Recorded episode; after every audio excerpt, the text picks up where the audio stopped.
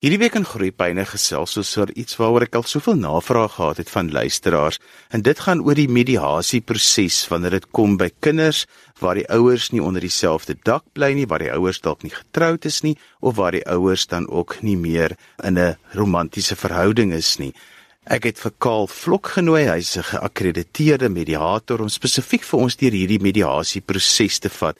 Iets wat deesdae baie belangrik is en ek dink elke ouer, selfs al is jy in 'n romantiese verhouding wat op hierdie stadium werk, is dit nodig om kennis te neem daarvan, want jy dalk 'n vriend of 'n vriendin wat hierdeur moet gaan en om hulle regte ondersteun. Op die eind gaan dit maar eintlik oor ons kinders en hoe ons ons kinders dan grootmaak. Karl, as mense die woord mediasie hoor, dan dink hulle dadelik probleme. Wat is mediasie presies?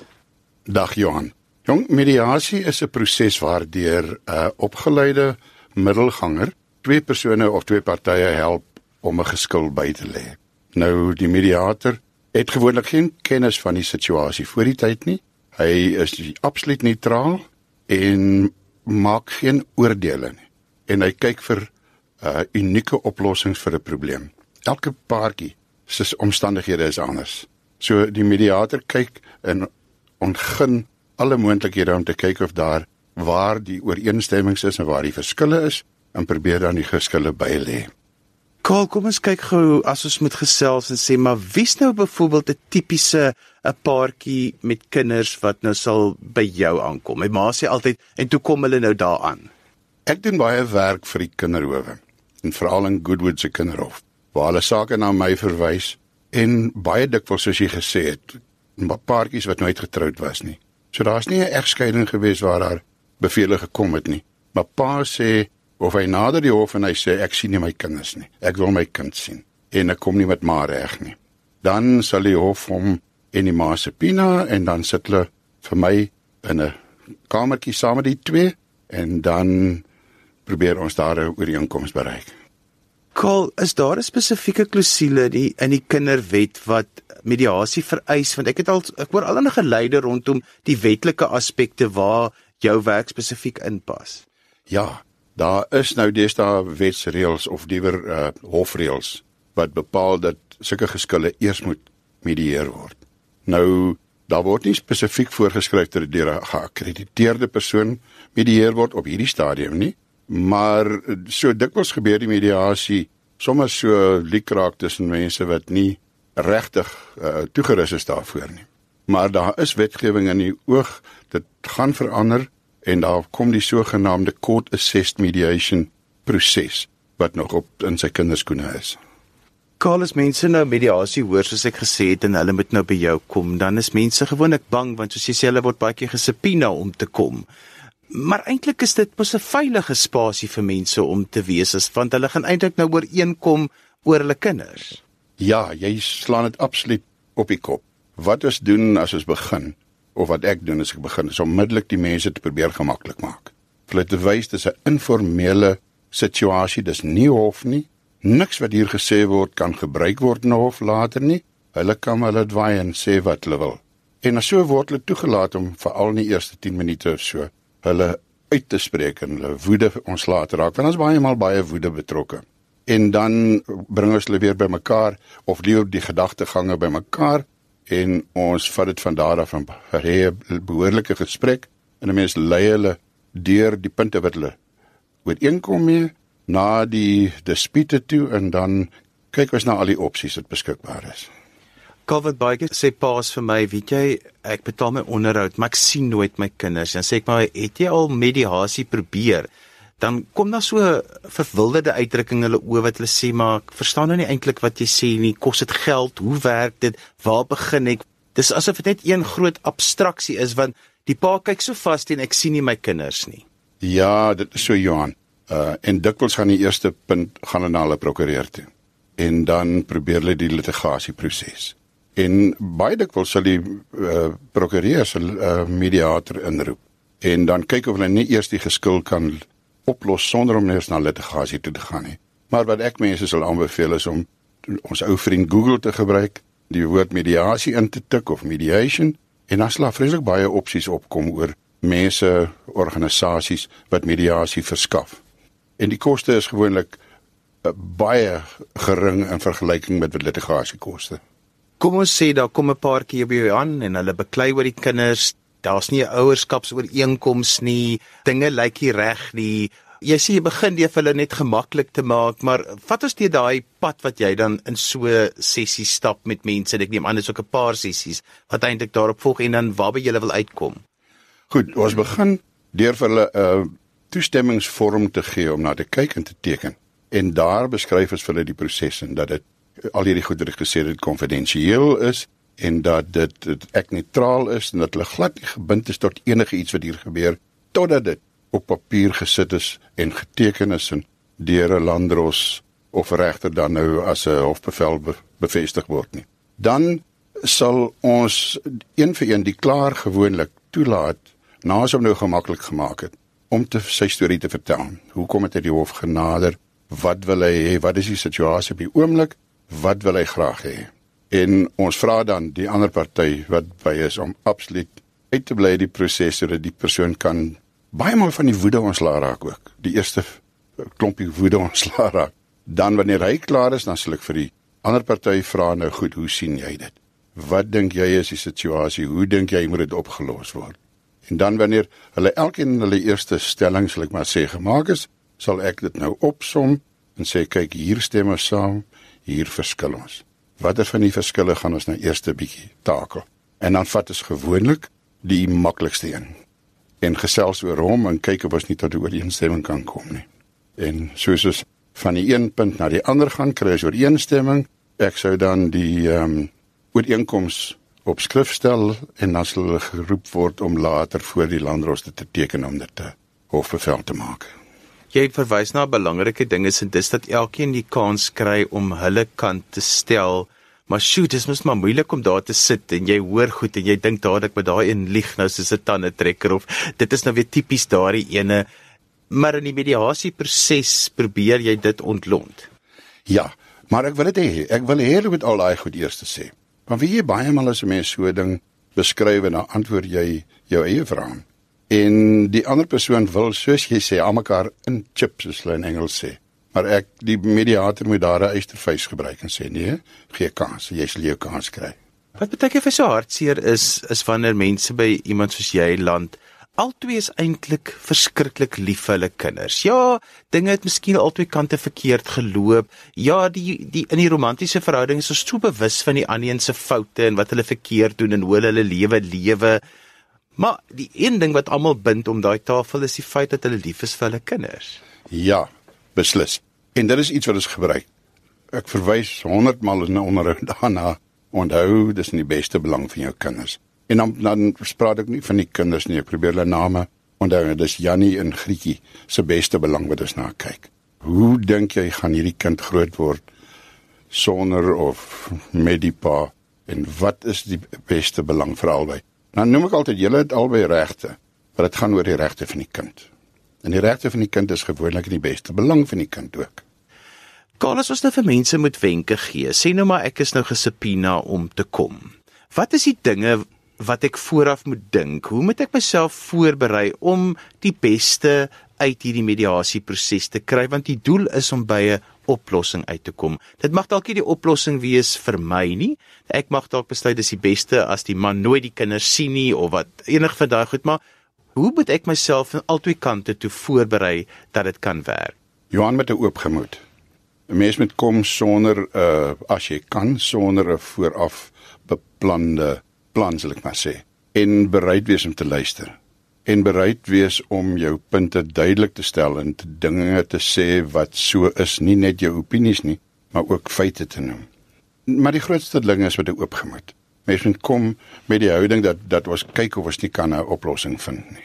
Karl, watter rol speel iets soos 'n ouerskapsooreenkoms in hierdie proses? En baie keer, veral van die ouer egskeidingssake, is daar nie eers ouerskapsooreenkomste nie. Gou ons 'n bietjie die rol wat dit speel. Baie belangrik. Die ouerskapsooreenkoms wys gewoonlik uit of sal alles stipuleer wat in die ouerwet vervat is. En dan die belangrike deel is dat daar 'n afdeling is vir die beslissings wat gemaak word. Dit sal begin by of in hierdie afdeling sal dit sê waar die kind bly. Dit sal bepaal wanneer die afwesige ouer toegang tot die kind sal hê op watter manier dit sal geskied of dit 'n besoek by die kind se blyplek sal wees en of dit uh, sê 'n naweekbesoek of 'n vakansiebesoek is en dan sal hierdie vervat word na hofbevel op die ou en ons kyk ook na dinge soos vakansiedae, skoolvakansies, verjaarsdae, Moedersdag, Vadersdag, Kersdag, al hierdie goed sal dan bepaal word. En die belangrike ding is dat die ouer en die kind dan rigting het. Uh dat hulle struktuur het waarin hulle hulle kinders kan grootmaak. Want 'n kind wil mos nou ook baie vinnig struktuur hê. Kol, daar's iets anders wat altyd vir so interessant is, is die klein goedjies wat baie keer ouers tot rasernheid dryf. Dit is baie keer wanneer die een ouer net nie die ander ouer ken in die opvoeding van die kind nie. Dit kom neer op jy stuur nie vir rapporte nie of jy woon nooit die ouer aande by nie of jy stel nie belang in die kind nie of ek wil vir die kind op medikasie sit want die juffrou sê die kind het ADHD of hy daar word iemand het nou 'n diagnose gemaak, die ander ouers stem nie saam nie. Is dit goeters wat 'n mens ook deur mediasie kan oplos of moet dit in 'n sielkundige se kantoor gebeur? Jong, baie van die dinge is in sielkundige kantoor se werk. Absoluut. Uh die hof bepaal dat albei ouers moet insig gee en saam besluit oor belangrike dinge, dat die ouers in kennis gestel moet word van sê siektes of uh skoolkonserte of daardie soort van belangrike dinge. Maar jong, 'n mens kan nie so iets afdwing op mense nie. Ek kan ook nie ehm um, 'n polisie waar stuur as my vrou nie vir my laat weet het dat die kind eh, 'n uh, konsert het waaraan hy deelneem nie. So baie daarvan is maar afhanklik van goeie trou en dat mense bly by by die ooreenkoms wat hulle gemaak het. Hierdie goed word ook vervat in die reg. Die kinderwet bepaal dat mense moet uh mekaar laat weet en op hoogte hou van alles wat aangaan met die kind. As ek net dink aan in egskeidings wat vroeër jare gebeur het, deesdae is dit nou so klein bietjie anders. Dan het baie keer mense gesê ja, julle moet nou die boedel verdeel. Ag, ons sit ietsie in oor die kinders in die hofbevel en dis daardie mense wat baie keer nou met hulle hande in die hare sit want dit was so die laaste klousule wat bygekom het in die egskeiding want almal het eintlik maar beklei oor die karre in die huis en al die tipe van dinge. As daar sulke hofbevele klaar bestaan, kan jy as mediator dan daarmee werk en dan iets nuuts laat opstel wat dan deur 'n hof bekrag of hoe werk dit? Absoluut. Wat nou baie lekker is is dat die hofbevel staan totdat daar 'n nuwe bevel kom. En wat is in sulke gevalle doen is om te sê kom, ons kyk net na hierdie een aspek, sê maar die besoek aspek en dan stel ons 'n ooreenkoms op net oor die besoeke of watter aspek dan nou ook al in 'n dispuut is. En dan sal die hof die oorspronklike bevel of liewer uh, nie aanpas nie, maar hy sê 'n nuwe bevel gee wat dan betrekking het behoor die ander bevel. Kol, wanneer is die beste tyd om te kom vir mediasie? Is dit wanneer ons te besluit ons gaan in die egskeidingsproses in en ons is nog eintlik besig met die prokureurs of is dit iets wat later moet gebeur as ek nou kyk na tydgebonde? Wanneer is dit die beste tyd om te begin met mediasie rondom die kinders? Ek sou sê sodra die geskille duidelik is en ouers weet wat dit is waaroor hulle verskil. Want dit is baie makliker om na die prokureur toe te gaan en te sê ons gaan skei. Ons het nou klaar ooreengekom kind gaan by A bly en B gaan uh, so en so besoeke doen en al daai klas van goed. Want die proses van mediasie is soveel vinniger en soveel goedkoper as wat jy die twee partye nou oor die kleinigheidjies na hulle prokureurs toe gaan en dan beklei oor sulke goed. Maar dit kan ook gebeur dat halfpad deur die litigasieproses. Die prokureur sê, nee, wat ons moet hierdie twee mense bymekaar bring. En dan sou hulle dikwels 'n mediator inroep en sê, ons sit nou vas op hierdie een aspek. Kyk of jy dit nie vir ons kan oplos nie. Kom ons praat oor primêre versorgers, want baie keer is daardie primêre versorger nie die biologiese ma of pa nie. Ons kry 'n ouma of 'n oupa by wie die kind groot geword het en wat ook nou graag tot die ouerskapsverhouding wil toetree of wat alreeds daar binne is, maar dit is nie geformaliseer nie. Is dit ook iets waarmee jy kan help of hoe werk dit? Ja, ja, beslis. Dis 'n uh, ons noem dit vorm 4. Uh, Daar's 'n spesifieke toestemming wat ouers gee sodat enige ander persoon ouerlike regte en verpligtinge kan bykry. 'n Ouer kan sê baie maal is dit in die geval van een van die ouers wat oorlede is en dat sulke grootouers soort van die plek inneem en die oorlewende ouer kan dan so 'n ooreenkoms maak dat die ouer of die grootouers dan nou die regte verkry of sekere regte verkry soos wat die uh, bestaande ouer dan nou sal toestaan.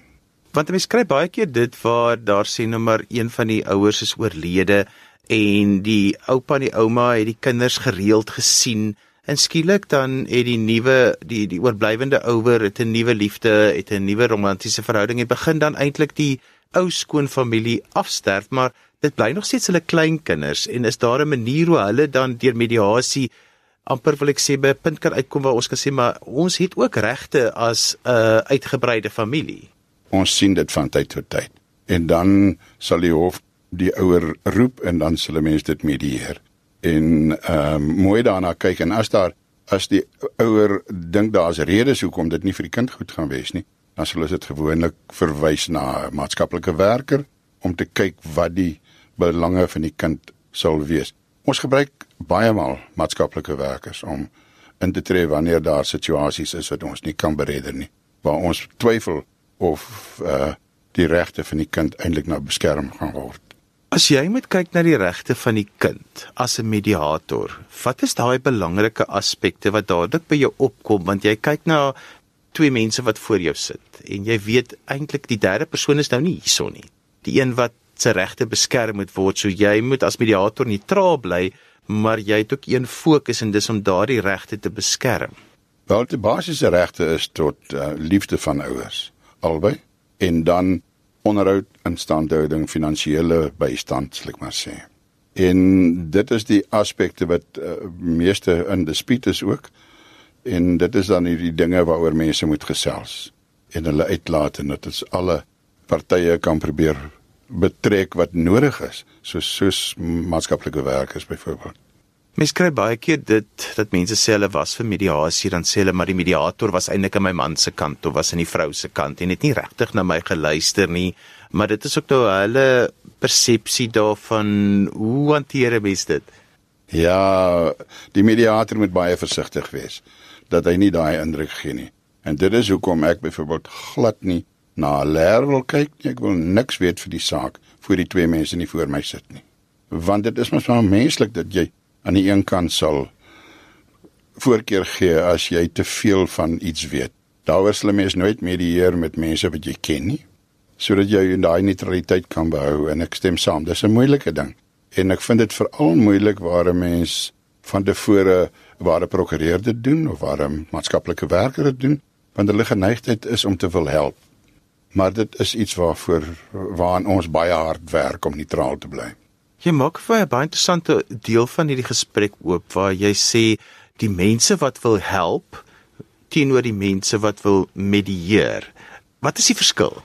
O, die mense wat wil help is die mense wat nou 'n probleem raak sien en sê kom ek help jou om jou probleem op te los. Soos byvoorbeeld daar's 'n woede probleem of een of ander ander probleem en sal dan liewer konsentreer op die een party om te kyk of hy nie gedrag kan verander nie. Nou 'n mediator wil nie gedrag verander nie. Die mediator mag aanbeveel dat daar gekyk word na eh, gedrag sonder om te oordeel. Maar dit is baie belangrik om neutraal te bly en om nie te wil dinge regmaak in 'n mediasieproses nie. Mes kry baie dit wat iemand sê ja toe ons na die ouerskap so einkoms opgestel het, was ek nog baie ontstel en so aan. Maar jy kyk nie na daardie dinge om te sê die ouerskapsooreenkomste is onregverdig of die of daai kind. Jy werk met dit wat voor jou is wat nou die probleem is. Ja maar altyd in gedagte wat die uh, kinderwet sê en uh, hoe die gemeenskap voel oor sulke dinge. En uh, as ek dink iets is nie soos dit hoort nie dan sou ek dit liewer terugverwys na die hof sodat hulle beter ondersoeke kan doen sodat ons nie ooreenkom op iets wat heeltemal teen die publieke sedes is nie. Ons kry ook baie daarmee nou te doen wat jy ons het al vlugtig daarna verwys waar die ouers nooit getroud was nie. Baie keer is daar mos nou wetlike dinge wat nou uh, onmiddellik in plek moet kom.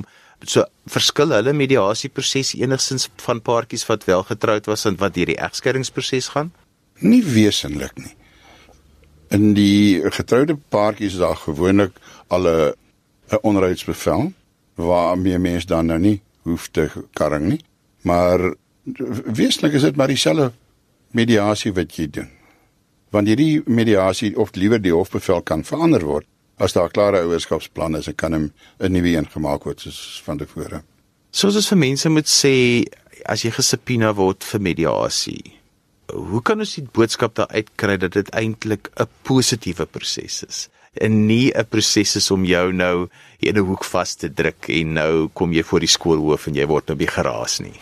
Ivy, ek wens so ons kon meer doen om dit tuis te bring. Want dit is 'n informele gesprek. En dis 'n kans om jou sê te sê sonder enige komplikasies, want wat jy ook al daar sê, kan nie gebruik word later nie. So dit is regtig 'n geleentheid om selfs van 'n bietjie woede ons later raak en woorde te gebruik wat jy nie in 'n hof sal gebruik nie en jy het iemand by jou wat jou gaan help en jou rigting gee. Ehm um, maar as jy dinge verkeerd sê en as jy as jy beloftes maak wat jy nie kan byhou nie, dan gaan dit nie teen jou gehou word later nie. Wat jy as mediator gaan nie noodwendig daardie ouer oordeel as hy opgekropte emosie en hy sê nou goed wat die regte ouer kom is eers so 'n bietjie later in die gesprek deur as hy nou eers van alles ontslaag geraak het wat hy nog nooit die kans gehad het om te sê nie want baie keer wil hulle dit in die hof gaan sê het maar hulle het nooit die geleentheid gekry nie want nie, niemand het hulle eintlik die kans gegee nie Wel, ou moet neutraal bly, maar 'n mens is maar 'n mens. En baie maal as ek huis toe ry en dink ek, "Jong, ja, maar ek sou liewer niks sê daaroor nie."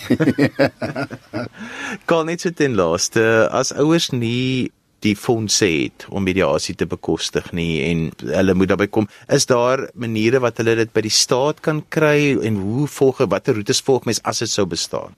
Ja, die howe het gewoonlik kontak met mense wat hulle kan help.